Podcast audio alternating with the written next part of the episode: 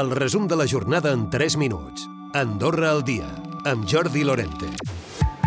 29.957 persones estan cridades a votar a les eleccions generals del 2 d'abril. Els comuns ja han publicat les llistes actualitzades de les persones censades a cada parròquia. El cens electoral augmenta gairebé un 10% respecte dels comicis generals de fa 4 anys, quan no arribava als 27.300. Si ens fixem per parròquies, Canillo i la Massana són les que més creixen percentualment. D'altra banda, Andorra esquivarà aquest any la crisi econòmica. El 2023 el producte interior brut pujarà un 0,8% i la inflació reduirà a la meitat. Estarà una mica per sota del 4%. Aquestes, si més no, són les previsions del Departament d'Estadística. Entre el 2024 i el 2027 es pronostica un creixement econòmic del 2 al 3% amb una inflació inferior. I després dels bons resultats de la prova pilot de quotes de temporers a l'estiu, el govern la repetirà enguany. Ho ha comunicat ja al sector en una reunió. La gran majoria dels treballadors que es van acollir ja havien estat treballant durant l'hivern. N'ha parlat el director de la CEA, Iago Andreu. També hi ha la voluntat de les empreses i especialment de la Confederació Empresarial de consolidar les plantilles, de no convertir l'encadenament de contractes temporals o i de quotes temporals d'immigració en una pràctica habitual. Torna al Saló del Videojoc. Enguany l'escenari serà el pavelló del Prat Gran d'Escaldes en Gordany. Hi haurà 95 punts de joc i 14 tornejos presencials.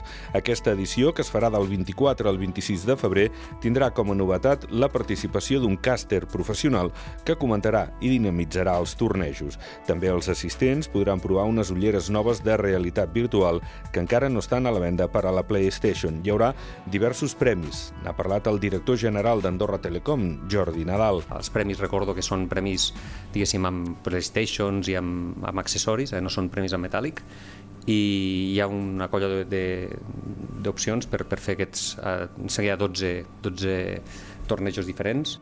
El Museu Carmen Thyssen vol portar l'espectador a fer un viatge emocional a través del color i la música. Kandinsky és la imatge de la mostra Croma, que inclou peces de Saura Atkinson i Mayfren barrejades amb grafiters americans, el xinès Wang Wangji i també molts d'altres. El compositor d'aquesta banda sonora original de la mostra és Oriol Vilella.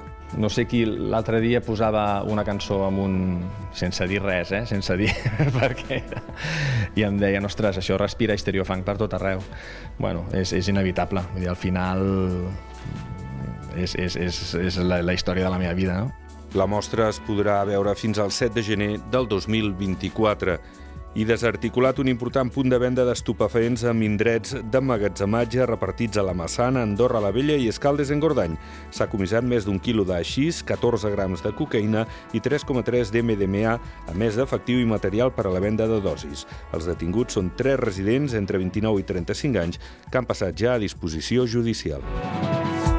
Recupera el resum de la jornada cada dia a AndorraDifusió.d i a les plataformes de podcast.